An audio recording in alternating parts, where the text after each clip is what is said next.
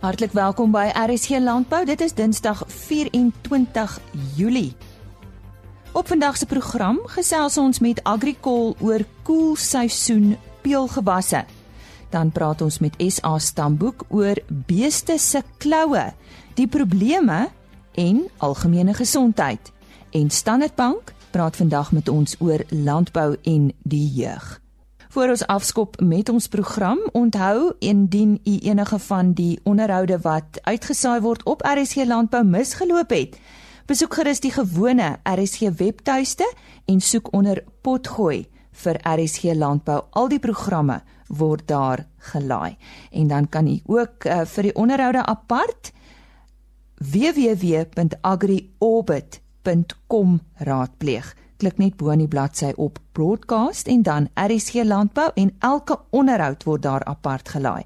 Dit is www.agriorbit.com. Kom ons gaan voort. Peulgewasse word beskryf as smaaklike veevoergewasse met uiters hoë voedingswaarde. Nou hierdie gewasse kan in twee hoofgroepe verdeel word, naamlik meerjarig en eenjarig. Ek gesels nou met Dawie Du Plessis van Agricol. Ja, ons gesels uh, gereeld met hom en ons praat met hom oor koelseisoen peulgewasse. Nou Dawie, watter rol speel stikstof in die algemeen by peulgewasse? Môre lieve, ja, soos ons almal weet, is stikstof 'n baie belangrike bousteen in enige plant, net soos fosfaat en kalium ook maar is. Maar as ons nou dink in terme van grondgesondheid, wys speelplante ons eintlik baie mooi en duidelik hoe mikrobes en plante saam kan leef en mekaar kan ondersteun. Nou speelplante het die unieke vermoë om in simbiose of samewerking met rhizobium bakterieë uh, te werk en dan atmosferiese stikstof in die lug te bind vir sy eie gebruik. Die plant uh, verskaf energie vir die rhizobium en in ruil daarvoor verskaf hy weer stikstof aan die plant. Nou die hoeveelheid stikstof wat dan gevorm word, hang af van die sukses van die vorming van die nodules of die knoppies op op die plantwortel. 'n Gedeelte van daai stikstof word dan ook aan die grond vrygestel en dit gebeur veral met afsterwe van die plant. Maar dit wissel baie tussen tipe speelgewasse en natuurlik het grondtoestande en ook grondgesondheid 'n invloed daarop. Nou hierdie gratis stikstof is dan beskikbaar vir enige opvolgende gewas wat geplant gaan word. Is die proteïenwaarde van die gewasse hoog? Inderdaad ja, peulgewasse is hoofsaaklik selfvoorsienend in hulle stikstofbehoeftes ook al reeds van 'n vroeë stadium af. En as gevolg van hierdie uh uh feit verseker dit dan dat die plantsoort oor 'n hoë proteïenwaarde beskik. Dit beteken ook dat dan dan dat die peulgewas goeie gehalte veiding voorsien wat vir enige veeboer op die einde van groot waarde is. Daar wie kan peulgewasse met ander veidingsgewasse gevestig word en en indien wel, uh, wat is belangrik om in ag te neem? Ja, biogewasse kan met gemak saam met ander veidingsgewasse ge, gevestig word, maar dit is belangrik om die regte keuse van 'n biogewas te maak. Faktore wat mense in ag moet neem is byvoorbeeld groei tempo, groei wyse en ook plantdigtheid. Groei tempo is byvoorbeeld belangrik om te verseker dat die gesamentlike mengsel in dieselfde stadium of tydstip bygereed is. Diversifikasie in 'n mengsel is baie belangrik vir grondgesondheid en die byvoeging van teelplante is 'n baie goeie stap in daai rigting. Bekende voorbeelde van eenjarige koelweerpeelgewasse is byvoorbeeld lupine, Ridella, Wieke en eenjarige klawer spesies. Nou hiervan is die Wieke seker die mees gewildste op die oomblik. 'n Mens kry hoofsaaklik drie soorte van die Wieke, naamlik gewone Wieke met 'n regopgroeiwyse, wywieke met 'n rankende wyse en ook soetharige wieke wat ook rankend is. En elkeen lewer sy unieke bydrae dra in so 'n weidingsmengsel. By meerjarige teelgewasse is besering seker die mees bekendste en dan is daar ook nog rooi klawer, wit klawer en armandsbesering as ook eh uh, kroonwieke. Moet saad uh, steeds geënt word? Ja, daar kom wel Rhizobium bakterieë natuurlik in die in die grond voor of noem dit dan nou maar wilde bakterieë. Maar peulgewasse is afhanklik van die regte tipe bakterieë. So benodig verskillende peulgewasse ook dan verskillende soorte bakterieë om doeltreffend stikstof te kan bind. Net hierdie enting van die regte uh, enstof kan die plant dan die beste opbrengste lewer en ook ekonomiese voordele vir die produsent inhou in terme van stikstofbemesting wat dan in baie minder hoeveelhede hoeveelhede gegee hoef te word. Nou sê daarmee baie dankie aan uh, David Du Plessis van Agricol wat ons met ons gesels het oor koelseisoen peulgewasse. Dawie as uh, iemand vra het wat is die beste om te doen maar net julle uh, webtuiste te raadpleeg? Ja, hulle kan gerus op die webtuiste gaan. Daai uh, ons adres is www.agricol.co.za. Daar sal hulle ook vind daar's 'n uh, baie oulike beskrywings van elke tipe gewasse, plantdatum, plantdigtheid Daar's ook oulike foto's en dan is daar ook 'n spesiale opsie as jy ons wil vra vra en dan dan sal iemand hom per e-mail antwoord. En daar's ook kontaknommers van al ons verskillende takke reg oor die land en hulle kan ook daar vra dat selfs dat eh, 'n uh, agent wat die naaste in die tak is, die boere kan besoek. En as hulle nog steeds hier regkom nie, kan hulle my skakel. My nommer is 071 852 1707. Herhaal hom sommer vir ons Dawie. Dis my nommer is 071 852 1707 en dit is in Kimberley. Sê dankie aan David Du Plessis.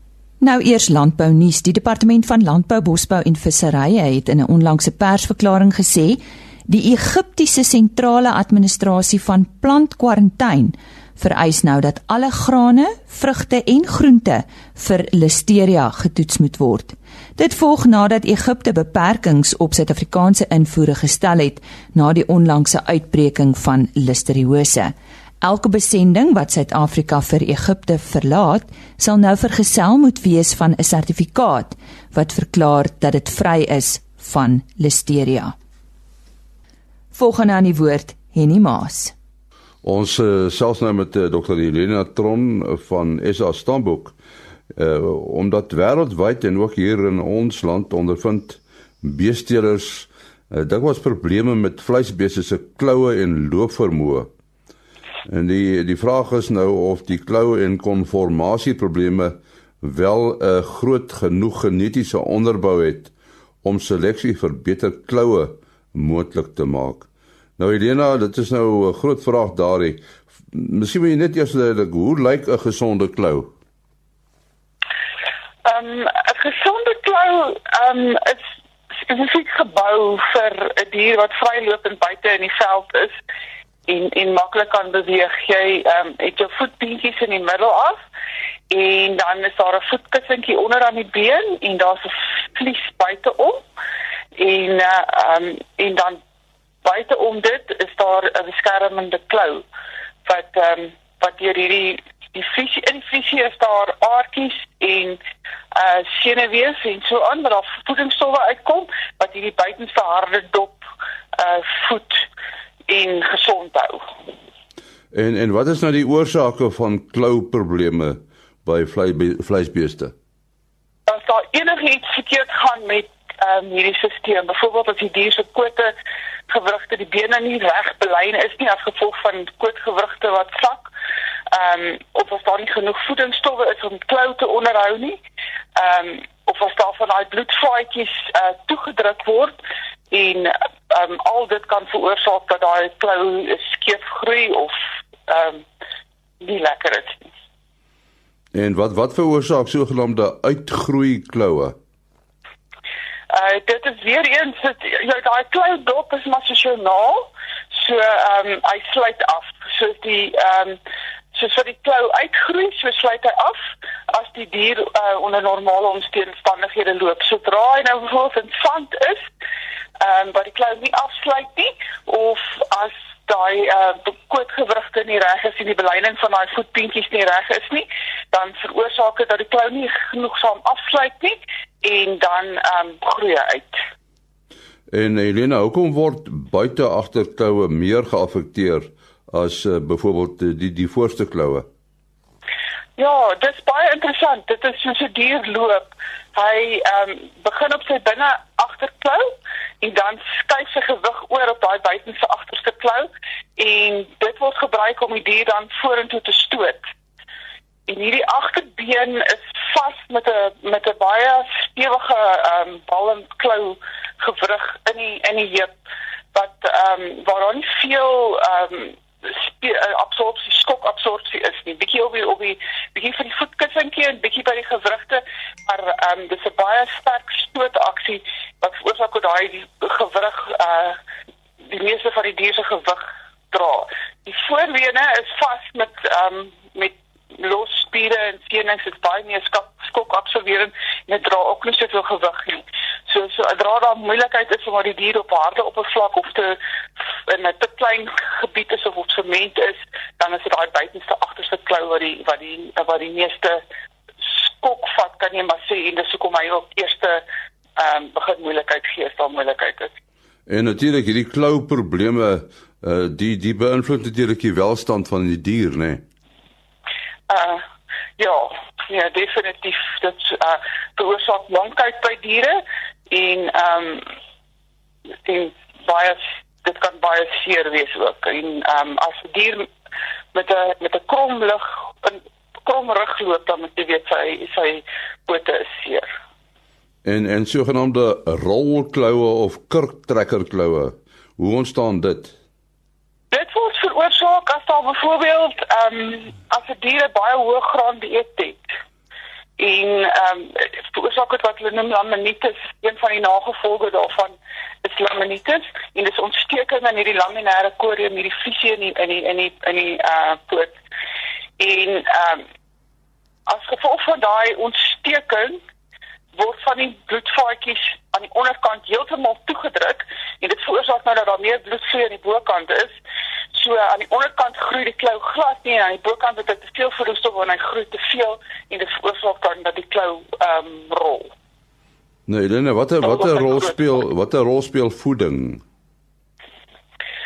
Die voeding is natuurlik moet daar genoeg voedingsstowwe wees wat ehm um, wat die wat die klou ehm um, voed.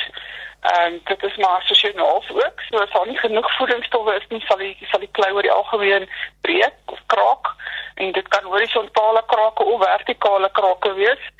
En ehm um, en dan die ander ding van voeding is die hoë uh, hoë energie dieet wat uh, laminitis kan veroorsaak wat ook die kloue affekteer. En en kan 'n mens vir uh, vir beter kloue selekteer? Uh, ja, mens kan nog vir selekteer, ehm um, veral deur die bouvorm van die bene, né? Dit moet nie te koeiakkig of sekelhakkig of regop wees nie.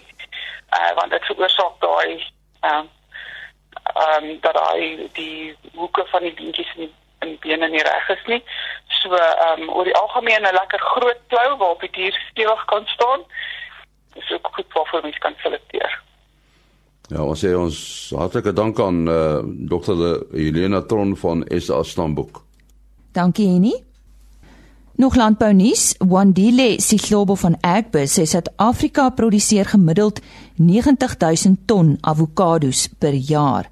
Dit het volgens hom aansienlik gegroei van net onder die 70000 ton in die vroeë 2000s. Die grootste rede vir die toename is 'n uitbreiding in die oppervlakte wat aangeplant is as gevolg van 'n groeiende binnelandse en wêreldwye vraag na die vrug. Hy meen die uitvoer van avokados vir die eerste kwartaal van 2018 het 4524 ton bereik. Die jeug is nie net die toekoms van ons ekonomie nie. Hulle hou ook die toekoms van landbou en voedselsekerheid in hulle hande. Nou die kenners meen dat uh, die sektor in hierdie sogenaamde agripreneurs moet belê. Nou ek gesels ver oggend met iemand van Standard Bank hieroor en haar naam is Kinelwa Nailana. Kinelwa, baie dankie dat jy ver oggend met ons gesels. Sê vir ons, waarom is dit belangrik vir julle om in landbou jeug te belê? Hi, good day. Uh, I'm glad to be here and um good day to your listeners. South Africa has a very high rate of unemployment among the youth. I mean, we are sitting at over 50%, therefore ranking second in the world. That is quite a concern. The stats are very concerning. And on the other hand, agriculture contributes about 5% to the country's total employment. If we put that in numbers, we're looking at about 847,000 jobs. Now, an important question to ask is what percentage of that is youth and what is the skill level there? Because if agriculture is to create employment for the youth, they should be trained in the relevant skills that will empower them to succeed in the sector. And remember, currently the average age of the South African farmer is 62 years. That clearly indicates there's a backlog or challenges for new generation of farmers to enter the sector. Sal jy sê dat daar wel jong mense is wat belangstel in landbou? Absolutely. I mean in the past the, the young people were not interested in agriculture because it was never presented as a as an option in their careers or a, prof, a profession. Rather in schools when you're not interested you know what just go and spend a day in the school garden and somehow that discouraged them the youth to enter into agriculture. But recently we've seen that changing. With, with technological advancement, the industry is attracting young minds and entrepreneurs as they take interest in food production and food security. The youth now understand that agriculture is much more than production at farm level. One can participate anywhere along the value chain, whether it's in research, agro processing, or in government, where they get an opportunity to, to actually uh, develop and compile policies, come with policies that govern the sector. Maar landbou soos wat dit is vandag, dink jy daar is plek vir 'n jong mens? Yeah, that is very interesting actually because if you look at the South African agriculture, it's, it's quite developed. There are plenty of opportunities along the value chain. But we don't necessarily see many young people entering the sector if you look compared to other sectors in the economy. Then that tells us there's something going wrong because why is it that we're not attracting those numbers? By then, this is primarily because new farmers that have want to access the sector, they find it difficult to access the sectors of production. Just to give an example, uh, accessing, accessing productive land, whether it's for buying or for renting, is not very easy. And also for, to access funding. When they approach financial institutions, you find that they don't have adequate collateral security or equity in the form of their own contribution. So, wat moet ons doen om landbou vir die jeug meer aantreklik te maak? We need to address the challenges of the youth as I've mentioned them um, earlier just now. With technical advancements like precision farming and vertical farming, one doesn't necessarily have to have large amounts of land to be productive. Then, so it just means that there needs to be a shift in thinking of how agriculture should look like. And even from our side, we need to be creative and innovative on financial products and solutions that we offer to, to this new market and how we look at these ventures. Goed, nou hoe gaan ons hierdie wanopvattinge wat die jeug het oor landbou verander? You know, I, I've come through some few misconceptions and I'm just going to name the three that come to my mind right now. And the first the first one is that agriculture is typically traditional and it's old-fashioned. But then the sector has had leaps of technical advancement. Now with the use of drones and remote sensing, um, it's not like as old as when people think, you know, you just have to go to the farm and get yourself dirty. So it's quite, it has become very interesting. And another misconception is that there are high barriers to entry. But then we've seen that as that sector evolves, it reduces those barriers to entry as one can choose where they want to play in the value chain. And here I'm putting on, uh, it's like I'm putting emphasis on economies of scale. When people think, you know what, for you to enter into agriculture, you need to have like a high amount of capital. By then, we've seen a new generation of farmers that have identified their niche market and they're producing at a small scale. They don't have to deal with high overhead costs, which is quite good for them because they are quite flexible and they can be agile and change as the industry changes. Now, the third misconception is that the sector mainly absorbs unskilled labor. And that is not the case because we do have a specialization in agriculture where you can specialize in either agronomy or agriculture economics and even engineering, just to name a few. Nou jy sê al wat nodig is om te doen is om hierdie wanopvattinge te verander. Doen ons dit? Kry ons dit reg? I think we are slowly getting there as we, we see now the youth are quite taking more interest in the industry because they get attracted to this technological advancement. But then, uh, more can still be done through education and awareness. I think as an industry, we need to make a concerted effort to promote and improve the image of agriculture through initiatives like maybe career expos at school level and even at universities. Keniwa, kom ons gesels oor verstedeliking. Watse invloed het dit op uh, landbou en die jeug? Uh, you know what? Inevitably, urbanization is a result of economic growth. So if um, the, the living conditions and, and income improves in a country, most people tend to move to the urban areas They are looking for better opportunities. I mean, there were, there were studies done, and it's estimated that by 2035, 50% of the population in Africa will be staying in, in, in urban areas. And you are right, it, it is a challenge for food production in the rural areas. But then we must also look at the opportunities that it creates in urban areas because it's an opportunity of urban, urban food production. And that's very good because with development of technology, it can result in improved efficiencies and environmentally friendly production processes. And now we find that even with um, the urban areas, the, the consumer is quite different. They, they, they're very intimate and they want to understand what is it that they're eating, how is it produced, uh, is it very uh, environmentally friendly. So the youth can take those opportunities and run with them because we find that they can, they can identify their own niche market where they produce a small scale according to what the consumer needs and they can actually claim that and um, it's a good advantage for them to take. Dit was dan Keniwa Nailana, sy senior bestuurder landbou, insigte en bemarking by Standard Bank.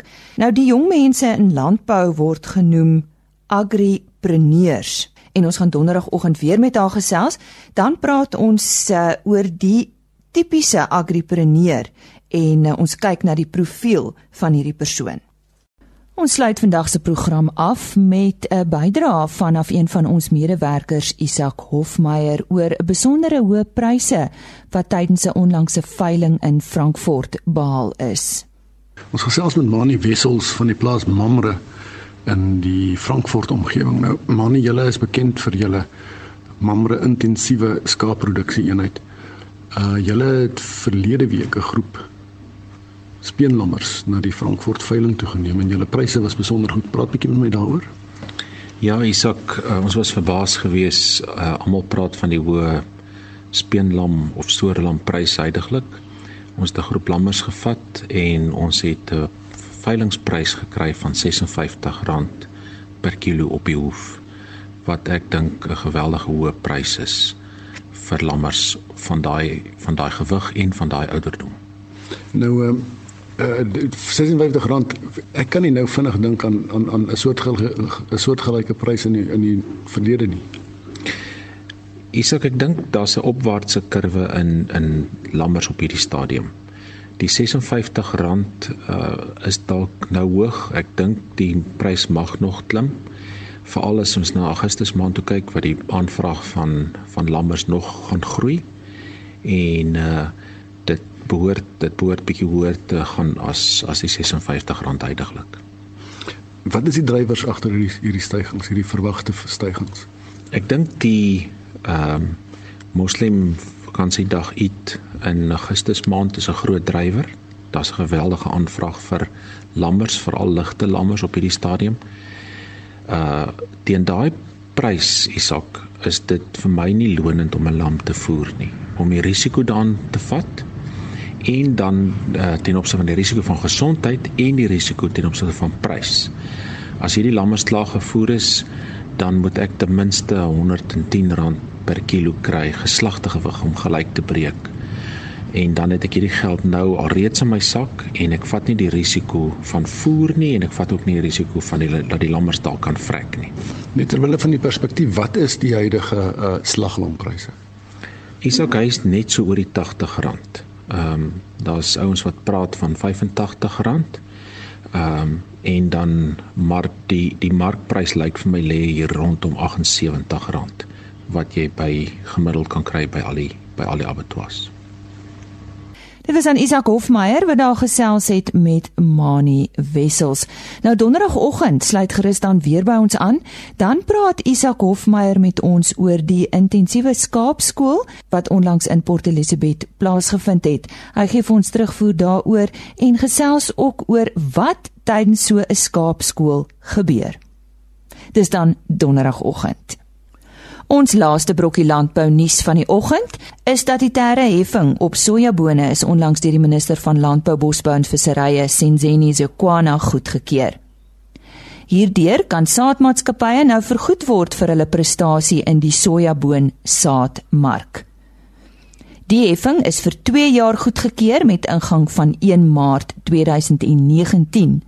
Die heffing is R65 per ton vir die eerste jaar en R80 per ton vir die tweede jaar.